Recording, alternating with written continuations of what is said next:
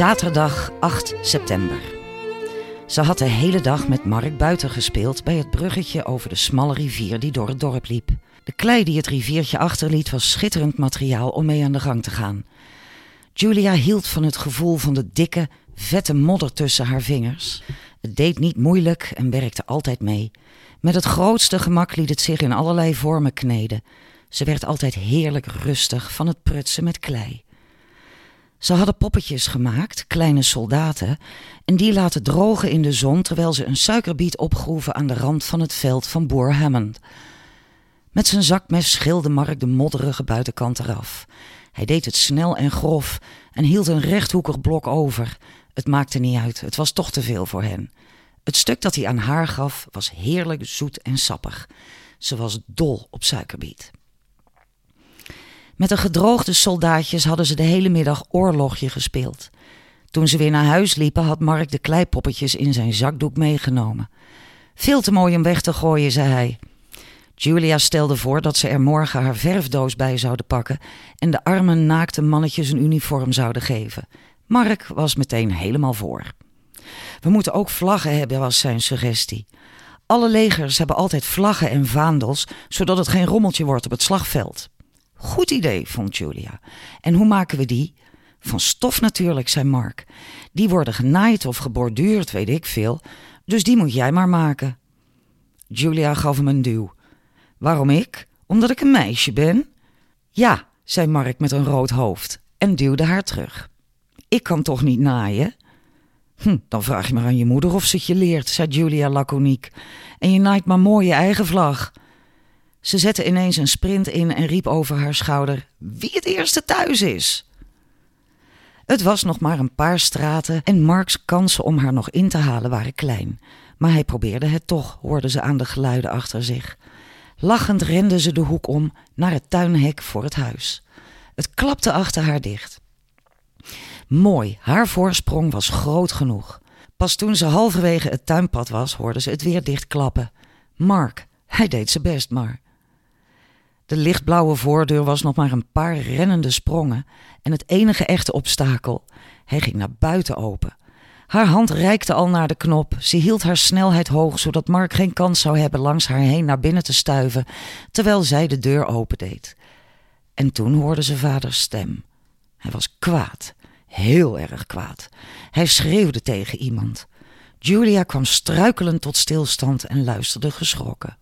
Vader werd bijna nooit kwaad. Hij kon streng zijn, maar hij verhief zelden zijn stem. En slaan deed hij al helemaal nooit.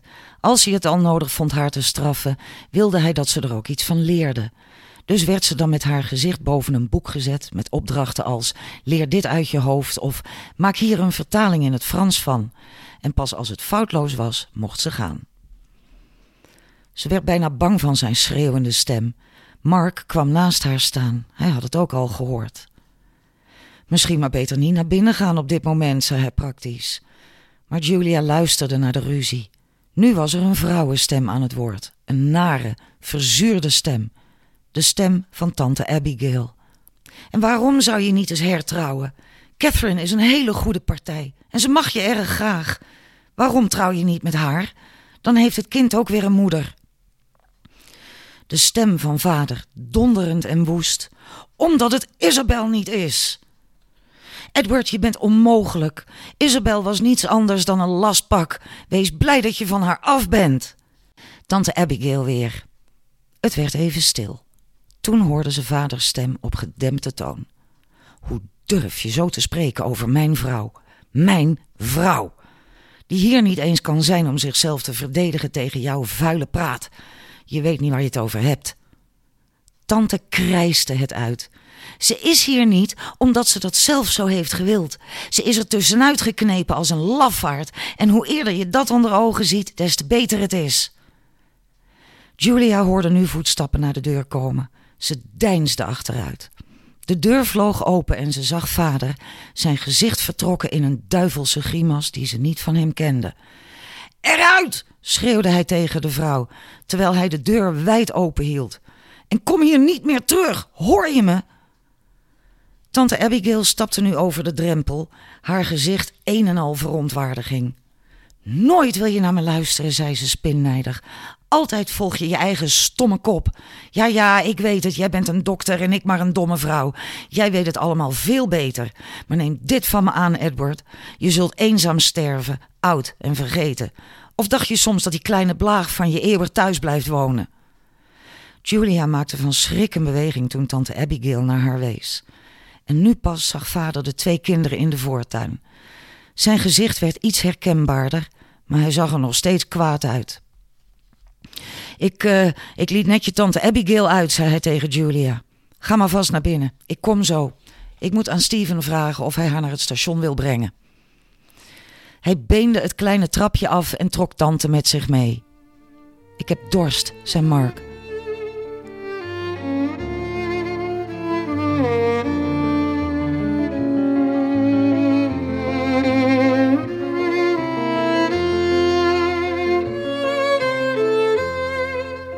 Toen ze haar ogen opende, lag ze op het bed. Haar hoofd deed vreselijke pijn, bonkte en stak. En haar handen deden zeer, voelde ze. Ze schrijnde. Ze zag dat de plek naast haar in bed nog leeg was. Jim was nog niet terug. Zuchtend sloot ze haar ogen weer en draaide zich om. Langzaam dommelde ze weer in. Ze was zo moe. Een paar minuten later werd ze weer wakker. Het tochtte om haar hoofd. Dat was vreemd. Of niet, het raam stond open, herinnerde ze zich. Maar met de dichte deur kon het niet zo tochten, ook al stond het raam open. Ze deed haar ogen opnieuw open, nog suf van de slaap. De deur zat dicht. Waarom tochtte het dan zo? Ze keek nog eens naar de deur. Hij zag er merkwaardig uit, alsof hij schuin stond. Maar hij stond ook schuin, tegen het deurgat aangeleund. Open. Harry was het eerste dat ze dacht. Beth had gezegd dat Harry de deur uit zijn scharnieren zou lichten. En zij was zo moe geweest dat ze er dwars doorheen had geslapen. Ze was nog steeds moe, maar kwam toch overeind. Die deur kon niet zo blijven staan. Maar toen ze hem wilde optillen, zag ze dat de scharnieren eraan hingen en dat de deurposten flink beschadigd waren. Alsof het ding was opengeschopt, van binnenuit. Nu pas merkte ze dat ze in haar hemd liep. Ze keek om zich heen met een onbehagelijk voorgevoel. Haar kleren hingen te drogen aan het rek aan het plafond. Haar handen schrijnden omdat ze zichzelf blijkbaar weer helemaal had schoongeschropt, net als een paar weken geleden. En ook de kamer was van onder tot boven uitgesopt. Ze bevroor. Het kon niet waar zijn wat ze zag. Kon niet. Het was één keer gebeurd en daarmee moest het afgelopen zijn. Dit was niet echt. Net zoals moeder niet echt was. Het doorbrak haar verlamming. Waar was moeder? Julia keek om zich heen, bang, want wat als ze nu nooit meer kwam? Hier ben ik al, zei moeder. Julia kon zien dat ze gehuild had. Waar was u nou? fluisterde ze terwijl ze in de warme armen probeerde weg te kruipen. Maar moeder hield haar tegen. Nee, zei ze, je moet eerst naar me luisteren. Een duistere waas leek over alles te zakken en alles vuil te maken, te besmetten met onbegrijpelijke werkelijkheid. Moeder wilde haar niet omarmen, niet beschermen. Geschrokken deed ze een paar stappen achteruit. Ik wil dat je weggaat, zei moeder streng. Luister naar me, Julia. Je moet weg uit Londen. Hoe eerder jij hier weg bent, des te beter het is. Haar achterdocht stak al zijn stekels op. Was dit moeder nog wel? De laatste tijd klopte er niets meer van. Het leek wel of moeder van haar af wilde. De voetstappen waren slecht, dat had ze definitief besloten. Maar moeder bleek ook verraderlijker te zijn dan ze had gedacht. Waarom? Moeders blik deed haar nog verder achteruit deinzen, de afstand nog groter maken. Dit was moeder niet. Zo had moeder nog nooit naar haar gekeken, alsof ze een vreemde was. Dat doet er niet toe, zei moeder. Je moet doen wat ik zeg. Ga weg, Verder en verder ging ze achteruit. Julia wist niet wie dit wezen was, maar het was in elk geval moeder niet. Niet voordat je me belooft dat je zult proberen weg te gaan. Moeder kwam nu op haar af. Je hebt rust nodig. Ik heb geen rust nodig. Ze wist dat het wel degelijk waar was, dat haar hoofd soms het gevoel gaf te klein te zijn voor alles wat er omheen gebeurde. Maar dit schepsel van haar vermoeide brein vertrouwde ze absoluut niet. Ga weg! Er sprongen tranen in moeders ogen. Kijk nou toch eens naar jezelf, kindje. Je bent bang voor mij, voor mij. En ik ben toch je moeder? Ze spreidde haar armen uit om ruimte voor haar te maken, maar nu trapte Julia er niet meer in. Nu was het te laat. Ze schudde haar hoofd en zei: Ik heb geen moeder. Mijn moeder is dood. Vrijwel onmiddellijk verdween de verschijning en liet een beklemmende stilte achter. De kamer had nog nooit zo leeg geleken en de muren hadden haar nog nooit zo dreigend omringd.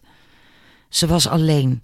Elke zekerheid die ze meende te hebben, had ze zojuist zelf onder haar eigen voeten vandaan gemaaid. Goed gedaan, Julia, mompelde ze en liet zich weer op het bed vallen. Ze verbood zichzelf te huilen, greep moest ze zien te krijgen. Ze wilde hier weg. Wat dat betreft had moeder haar geen nieuw idee aan de hand gedaan, maar ze had geld nodig om weg te gaan. Traag begon haar geheugen te draaien. De wasserij. Ze had werk, tenminste. Misschien had ze nog werk. Ze vloog van het bed af, trok haar oude zomerjurk en haar schoenen aan, sloeg haastig haar stola om en wrong zich door de kier tussen deur en muur.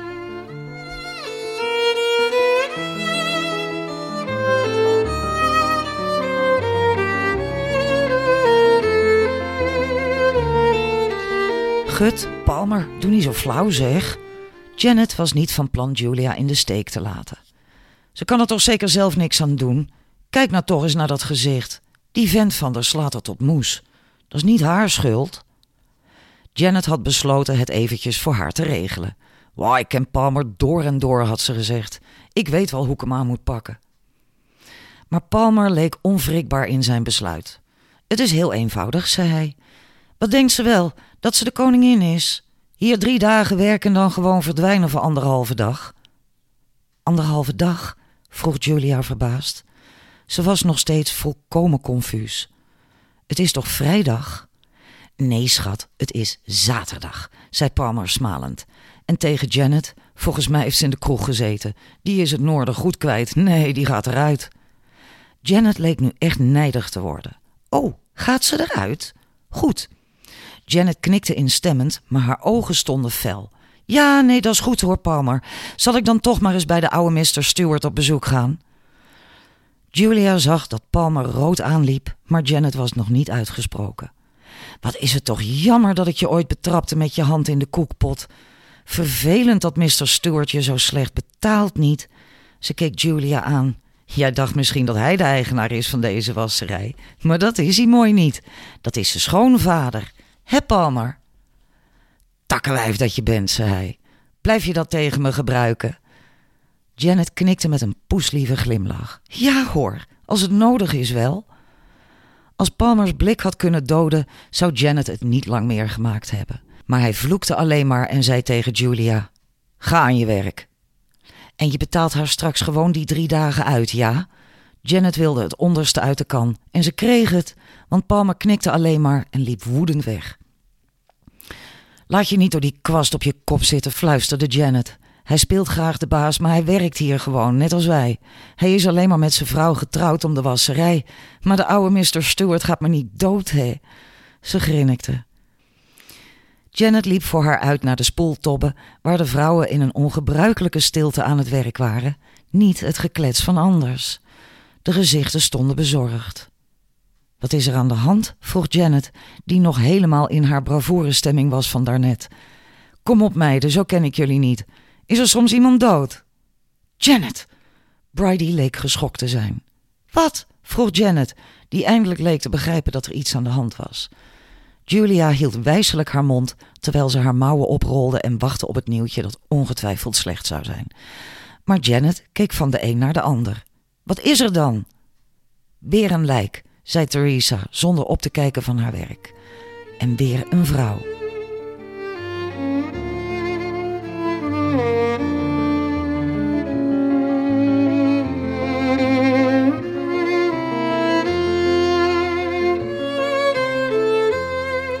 Stel je nou eens voor dat het Jim is, Ze zei het meer voor de grap, maar Mary, die net op was gestaan om nog wat te drinken te halen aan de toog, ging er weer van zitten. Wat vertel je me nou? De Britannia, de kroeg op de hoek van Dorset en Commercial, zat stampvol. Er hing een nerveuze, opgewonden stemming. Dit was de stamkroeg van Annie Chapman geweest en bijna iedereen hier had haar wel gekend. Dit was de laatste plek geweest die ze had bezocht. Een paar straten verderop was ze, nadat ze de kroeg had verlaten, vermoord. Het was niet alleen Annie Chapman's stamkroeg. Het was ook een van Mary's vaste honken. Ze zaten aan het einde van een lange tafel die voor het raam stond en spraken over de laatste moord. Ze waren de enige niet. De hele kroeg gonsde van de boze gesprekken. Mary overwoog wat Julia zei, maar wees het af. Ach wel nee, Jim is daar toch veel te dom voor. Weet je wel wat ze met die arme Annie hebben gedaan? Een flarden gesneden, dat hebben ze gedaan. In de star stond dat haar hart en lever boven haar hoofd lagen. Dat klinkt niet als een ordinaire vrouwenmepper. Elke keer als er een moord werd gepleegd, was Jim niet thuis. Dat kan toch iets betekenen? Mary lachte. Met die kerels hier? Die doen toch alleen maar waar ze zin in hebben. Jim is geen uitzondering hoor. Die mannen hier hebben geen zitvlees. Nooit kunnen ze eens iets opbouwen en blijven. Nee, om de havenklap moet dat eruit om de zinnen te verzetten. Julia voelde een van Mary's uitvallen aankomen en had er vandaag geen zin in. Maar het werd voorkomen doordat iemand achter in de kroeg uit volle borst een lied inzette. De rest van de kroeg viel al snel mee in, ter ere van Annie. Hoewel ze weinig meer was geweest dan een van de vele straatvlinders die hier over de vloer kwamen, leek ze nu verheven te zijn tot een heilige wiens lijden in het openbaar beweend moest worden. Lallend werd er gezongen met ontroerde tranen in de ogen. Hij heeft me gisteren opgesloten voordat hij wegging. Nadat het weer stil werd, ging Julia verder. Wie? Jim? Waarom? Omdat hij het niet kan uitstaan dat ik in de wasserij werk, zei Julia. In plaats dat hij blij is dat ik ook wat binnenbreng, klaagt hij alleen maar dat het eten niet op tijd klaar staat. Toen ik geen werk had, klaagde hij altijd dat hij het zo zwaar had en dat ik lui was. Ach, mannen, zei Mary met rollende ogen. Josie vindt het ook niet fijn als ik werk. Oude zeur. Hij denkt zeker dat ik voor elk wisselwasje bij hem mijn hand ga ophouden, zodat hij elke keer kan preken over dat ik te veel drink, te veel uitgeef aan eten, weet ik het. Hij bedenkt wel iets om over te zaniken, maar ik wil mijn eigen geld in mijn zak horen rinkelen. Julia moest een vlaag van ongeduld wegdrukken. Ze begreep maar al te goed waarom Josie het niet fijn vond als Mary de straat op ging. Ach, Mary was een feestneus, dat wist Julia al sinds het begin. Ze kon indrukwekkend veel gin op en gin, zei Mary altijd, maakte dat het allemaal niet meer zoveel gaf. Julia lustte geen gin. En de onverschilligheid waar Mary het over had en die Janet ook zo gemakkelijk kon oproepen, was haar vreemd. Maakte haar soms zelfs kwaad. Want zag Mary dan niet wat ze aan het doen was? Hoe ze zichzelf te grabbel gooide voor al die kerels? Ze leek haast wel trots te zijn op wat ze deed. En dat irriteerde Julia gruwelijk. Maar zei Mary ineens. Als Jim je heeft opgesloten voordat hij wegging en hij was nog niet terug toen je hierheen kwam, hoe ben jij dan buiten gekomen? Te laat besefte Julia dat ze dom was geweest. Kortsachtig zocht ze naar een oplossing. Beth, uh, Harry van Beth, je weet wel, onze buren. Harry heeft de deur uit zijn scharnieren gelicht, zei ze. Ze hoorde hoe leugenachtig het klonk, hoe nerveus. Maar Mary merkte er blijkbaar niets van. Dat is aardig van hem, zei ze. Meid, ik ga nog een borrel halen. Het is tenslotte zaterdagavond. Moet je al naar huis? Julia was doodmoe, maar waarom zou ze naar huis gaan? Op zijn ergst was Jim alweer thuis en ze wilde die lamzak voorlopig niet zien. Wat haar betrof mocht hij de rest van de week wegblijven. Hij zocht het maar uit. En Mary had waarschijnlijk gelijk. Jim was te dom om een moordenaar te zijn. Nee hoor, zei ze.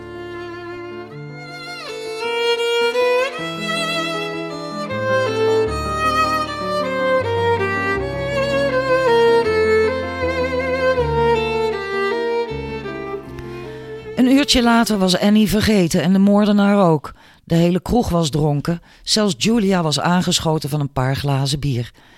Ze zat inmiddels aan de toog en lachte om de kastelein die haar de ene mop na de andere vertelde. Af en toe keek ze naar Mary die aan het dansen was met een man. Josie was een minuut of twintig geleden ook naar de kroeg gekomen en zat nu twee krukken verderop ongelukkig naar Mary te kijken, terwijl Mary niets doorhad en vrolijk door de kleine kroeg heen zwierde met de onbekende man. Een vent die zo stom is dat hij nog nooit langer dan een dag werk heeft gehad, krijgt een betrekking aangeboden in een fabriek, begon de kastelein aan een volgende mop. De eerste avond komt hij thuis en zegt tegen zijn vrouw: Nou, dat gaat goed op de fabriek. De baas heeft gezegd dat we samen op reis gaan. Julia luisterde niet echt meer. Ze keek naar Mary en geneerde zich voor wat ze zag. Mary, die schaterend van de slappe lag, zich door die man overal liet betasten. Overal. Het was goedkoop van haar. Zijn vrouw gelooft er niks van en vraagt voor de zekerheid: Wat heeft je baas dan precies gezegd? De kastelein ging onverstoorbaar verder met zijn grap. Julia hield Mary in de gaten. Waarom was ze zo lief en tegelijkertijd ook zo'n slet? Haast alsof het twee verschillende personen waren, om razend van te worden. De kastelein maakte zijn mop af. Nou, zegt die vent, de baas heeft gezegd dat als ik zo doorga, we binnenkort zeker naar de Filistijnen gaan. Bijna iedereen aan de toog lachte erom, behalve Julia en Josie. Zij keken naar Mary, die net zo handtastelijk werd als de man, alsof ze vergeten was dat Josie op een paar meter afstand van haar zat. En misschien was ze dat ook wel vergeten. Het leek er in elk geval op. Ze had plezier, dat was duidelijk. En hoe harder ze lachte, des te grimmiger keek Josie en des te ongemakkelijker voelde Julia zich. De kastelein begon aan alweer een mop, maar Julia luisterde niet meer. Ze zag dat Josie opstond en vlak langs Mary en de man liep zonder hen aan te kijken. Mary merkte hem niet eens op. Ze walste met de man, haar hoofd op zijn schouder en haar ogen gesloten, alsof het de liefde van haar leven was. Julia had haar dit al vaker zien doen. Binnen een paar minuten zou ze met hem verdwijnen om dan een kwartiertje later met geld en een tevreden grijns weer terug te komen. Josie was inmiddels bij de deur en keek nog één keertje naar het dansende paardje midden in de kroeg. Toen draaide hij zich kwaad om en ging weg. Het belletje boven de ingang rinkelde nijdig met hem mee toen hij de deur dichttrok. Julia had een idiote gedachte. Ze zag zichzelf naar Mary toelopen, haar lostrekken uit de hebberige armen van die viespeuk en haar hart in het gezicht slaan om haar wakker te doen schrikken, om haar uit deze vernedering te sleuren. Mary was hier te goed voor. Ze kon zoveel meer. Ze zou juist moeten vechten voor iets beters. Niet dit. Ze zag het zo haarscherp voor zich dat ze een moment dacht dat ze het werkelijk ook deed. Maar ze zat nog steeds op haar kruk en keek toe hoe Mary haar hoofd ophief, iets tegen de man zei en even later met hem de kroeg uitliep. Ze werd er misselijk van.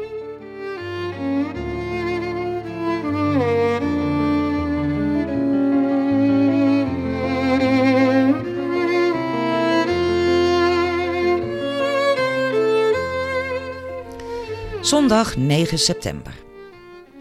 Harry, Jim en Julia's buurman, was een socialist, in hart en nieren. Hij liep er niet al te veel mee te koop, want de directeur van de koekfabriek zou er waarschijnlijk minder enthousiast over zijn. Maar in zijn vrije tijd mocht Harry graag naar arbeidersbijeenkomsten en demonstraties gaan. En verder schreef hij zich een ongeluk aan brieven. Vooral naar kranten die soms nog zo gek waren om de epistels af te drukken ook. Het enige probleem was dat hij met maar een paar jaar school in zulke hanenpoten schreef en met zo ongelooflijk veel spelfouten, dat het voor een druk bezette redactie nog een opgave was om zijn werk te lezen. Julia had ooit aangeboden om ze voor hem over te schrijven en wat leesbaarder te maken en Harry, die gehoord wilde worden, was daar uiteraard meteen op ingegaan maar hij stond erop dat Julia voor iedere brief zijn rode inkt gebruikte, de kleur van het socialisme. Ze was het vaak met de inhoud van de brieven eens. Harry zag maar al te goed hoe er eigenlijk helemaal niks van klopte hier in dit deel van de stad. Legt u mij eens uit, schreef hij dan bijvoorbeeld gepikeerd, hoe een man die al dagenlang geen fatsoenlijk maal heeft gehad, de ganse dag moet rondlopen om werk te zoeken. Waarom mogen onze armen niet in het openbaar slapen? Als ze s'nachts aan rust toe zouden komen, dan zouden ze overdag niet zo moe zijn en werk kunnen zoeken. Zo krijgen ze geen enkele kans om aan hun ellende te ontsnappen. Ik zeg, laat Itchy Park dag en nacht open. Of maak de controle minder streng na middernacht in plaats van strenger. Julia wist het ook. Iedereen wist het dat het een onzinnig beleid was dat hier werd gevoerd. Het hielp mensen van de wal in de sloot. Mary wond zich nog regelmatig op over een of andere lord die een jaar geleden had doorgedrukt dat alle bordelen in de East End verplicht dicht moesten, omdat het maar slecht was voor de zeden. Als gevolg daarvan moesten de vrouwen die daar werkten, en voor wie geen ander werk was, dan maar hetzelfde op straat doen: smeriger, onveiliger, goedkoper.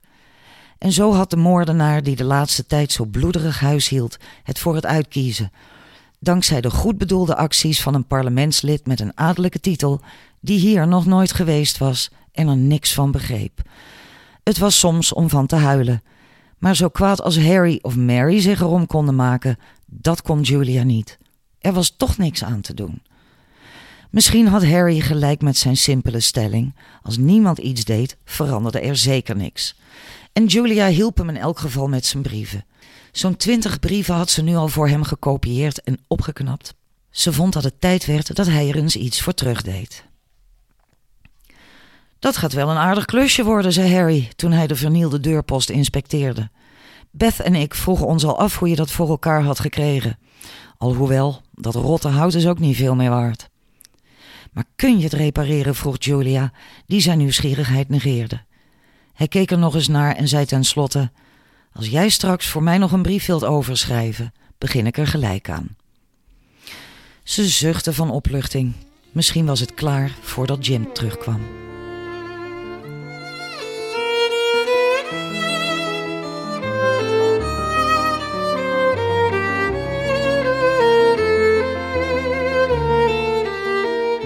Barnett's kleine kerk zat vol vandaag. En het was geen wonder. Een of ander duivelswezen slachtte vrouwen alsof het lammeren op een offerblok waren. Iedereen was bang.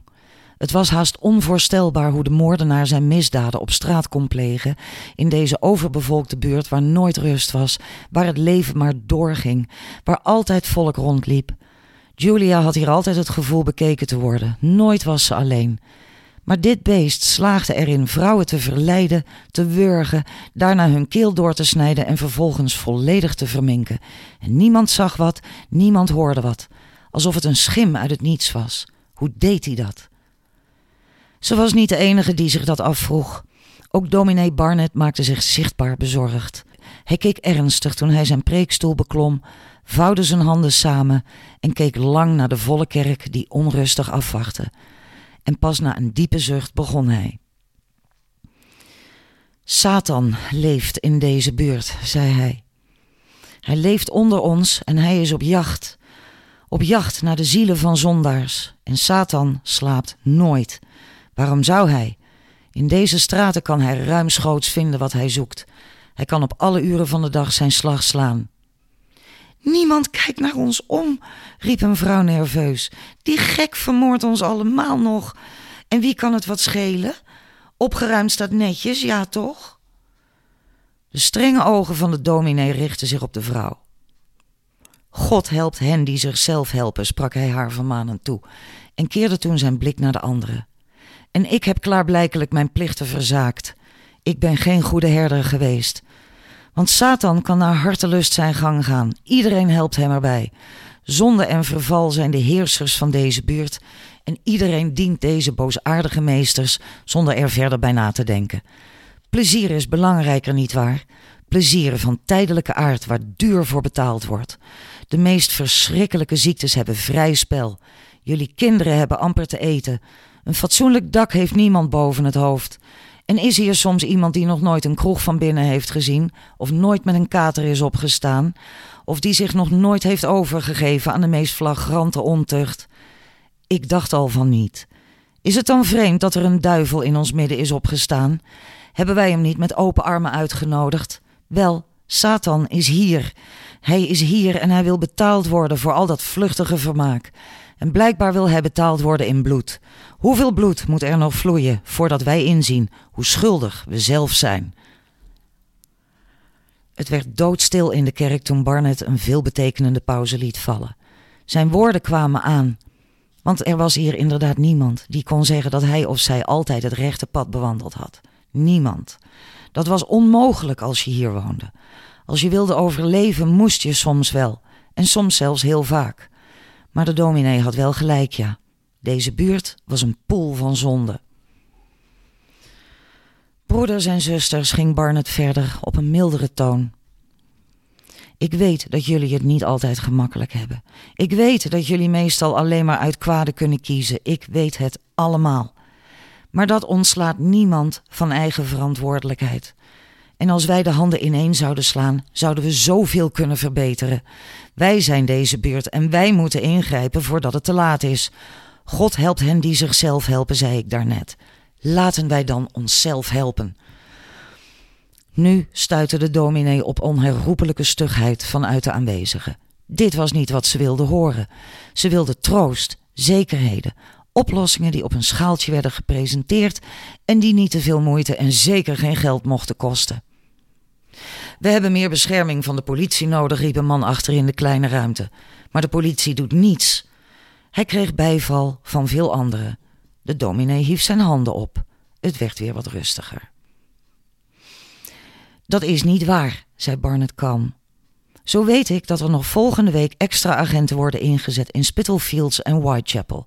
In Burger, zodat niemand weet wie ze zijn, ook de moordenaar niet. Dit leek indruk te maken op de gemeente. Er werd geluisterd naar wat Barnett nog meer te zeggen had. Laten wij die extra politie dan een handje helpen, ja? Ga naar jullie gezinnen als jullie van je werk komen. Ga niet naar de kroeg. Probeer ordelijk te leven. En vrouwen moeten natuurlijk helemaal s'avonds hun huis niet uit. Dat is vragen om narigheid. En hoe moeten we dan onze kinderen te eten geven? De vrouw die de dominee daar straks ook al in de reden was gevallen, stond nu boos op. Denkt u soms dat wij de hoer spelen omdat we het leuk vinden? Of omdat we zo graag vermoord willen worden? Voor u is het eenvoudig. U heeft doorgeleerd. U bent dominee. U heeft genoeg geld.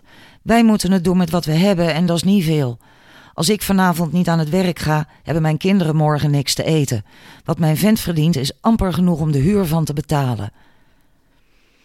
Julia vond eigenlijk dat de vrouw gelijk had, al zat ze fout waar het de dominee betrof. Dat wist Julia. Barnett was onderhand net zo arm als de rest van de mensen in deze buurt. Ze zag dat Barnett het moeilijk had met de uitval van de vrouw. Waarschijnlijk wist hij zelf ook maar al te goed dat het de simpele waarheid was. Hij worstelde om een antwoord te vinden. Mijn vrouw en ik, zei hij na een tijdje, hebben ook niet veel. We moeten elk muntje drie keer omdraaien. Maar mijn vrouw geeft zich niet over aan ontucht. Liever lijdt zij honger dan dat ze zo laag zou zinken. En de enige keren dat zij een kroeg binnengaat, is met een collectebus. Maar u heeft geen kinderen, wierp de vrouw tegen. Ik heb er vier. Wie geeft ze te eten als ik het niet doe? We moeten vertrouwen hebben, zei Barnett. Julia vond het, eerlijk gezegd, een zwaktebod.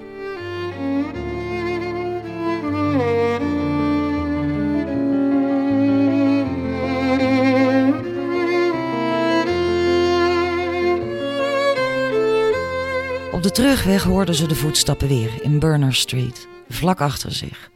Ze keek wel honderd keer om en zag steeds hetzelfde: een drukke straat, volk genoeg, maar niemand die pal achter haar liep. Ze deed haar best er niet meer naar te luisteren, zei tegen zichzelf dat die voetstappen er niet waren, dat ze er geen aandacht aan moest besteden. Het hielp niet. Ze galmden door haar hoofd. Toen ze thuis kwam, stond Harry's rode inktpot al klaar bij haar op de tafel. De brief en een paar lege velletjes papier lagen ernaast met een kroontjespen erop. De deur zat er weer netjes in. Er was bijna niets meer van te zien. Alleen het slot was kapot. Dat kon ze niet wegwerken voordat Jim thuis kwam. Dat zou ze aan hem uit moeten leggen. Nou ja, had hij haar maar niet op moeten sluiten. Moeder wachtte haar op, zittend op het bed. Een herkenbare moeder, niet de bezorgde afstandelijkheid van laatst. Ze kroop tegen haar aan zonder iets te zeggen, legde haar hoofd in moeders schoot en sloot haar ogen. Ze hoorde de geluiden van de wereld de karren die door de straat gingen, Raisa die beneden thuis kwam en in zichzelf liep te praten, flarden van zinnen van mensen die op de stoep onder het raam voorbij liepen, het geschreeuw van straatventers. De koekjesfabriek draaide op volle toeren, het rook heerlijk naar zandgebak. Ze snoof de geur diep op en herinnerde zich het uitlikken van de beslagkom vroeger als Fanny een taart in de oven schoof. Het gevecht tussen haar en Mark om de pollepel, vooral als Fanny een chocoladetaart had gemaakt. Ze kon dat beslag bijna proeven door de sterke geur van de fabriek. Veel lekkerder dan de taart zelf. Moeder aaide haar. Ze voelde de hand die over haar hoofd streek. Ik ben zo moe, zei ze. Moeder zweeg en streelde verder. Het voelde heerlijk warm en zacht, zoals het hoorde. Alles leek naar de achtergrond te verdwijnen. Het lawaai van buiten, haar vermoeidheid, de pijn in haar beurse lijf. Moeder was er weer. Ze dacht aan Barmy Bird. Zoals hij altijd door het dorp ging, een gelukkige lach op zijn gezicht, zijn armen wijd gespreid terwijl hij wiegend een liedje zong. Bird hoorde erbij. Niemand vond het vreemd dat hij ze niet allemaal op een rijtje had. Barmy Bird, de vrolijke dorpsgek, kreeg van iedereen wel wat toegestopt: eten, een penny, een oude hoed. Mocht bij elke boer in de stallen slapen als hij dat wilde. Zo gek is het nog niet om gek te zijn, zei Steven altijd over Bird. Maar uiteindelijk werd Bert gevonden met zijn zakken vol met stenen onder de brug. Hij had zichzelf willen verdrinken, had vader verteld, maar hij had er geen rekening mee gehouden dat de rivier in de zomer zo laag stond. Bert had zijn nek gebroken. Er was besloten hem toch een fatsoenlijke begrafenis te geven. Hij was een simpele ziel geweest die niet wist wat hij deed. God had hem zo gemaakt. Het was niet zijn schuld. Ze had nooit begrepen waarom Bert dat had gedaan. Hij was altijd zo opgewekt, lachte altijd, had geen vijanden, was bij iedereen kind aan huis. Hij moest erover hebben nagedacht, besefte ze, want hij had een heel plan gemaakt. Keien zoeken, zakken vullen, naar de brug lopen en een goede plek vinden om eraf te springen. Voor iemand die zo kinderlijk overkwam als Bert leek het haast ondoenlijk. Ze probeerde zich voor te stellen hoe het moest zijn om in Bert's schoenen te staan, om in zijn hoofd te leven. Misschien lachte Bert niet omdat hij vrolijk was, maar omdat hij het niet kon helpen, omdat zijn geest hem dwong tot lachen en zingen en wiegen, terwijl hij het helemaal niet wilde. Het leek haar een verschrikking. En zij zelf dan? Haar geest had een moeder bedacht, hoorde voetstappen die er niet waren en dwong haar zelfs tot schoonmaken zonder dat ze er iets van wist. Toen ze erover nadacht, probeerde zichzelf te zien terwijl ze met de schrobber bezig was, glipte er een giechel uit haar mond. Schoonmaken. Haar giechel werd een lach. Het was te zot voor woorden. Wie ging er nou schoonmaken als hij gek werd? Ze probeerde het serieus te nemen. Het was toch best ernstig. Maar het voelde verrukkelijk om zichzelf eens goed uit te lachen. Verrukkelijk. Ze kwam overeind. Moeder was weg. Ze had tegen een kussen aangelegen. Het maakte het alleen maar grappiger. Schaterend zakte ze achterover op het bed. Wat een toestand was het toch. Als ze het in een boek opschreef, zou niemand het geloven. Ze keek naar haar kleren die nu droog aan het rek hingen en moest nog harder lachen. Het was kolder wat ze allemaal deed. Pure waanzin.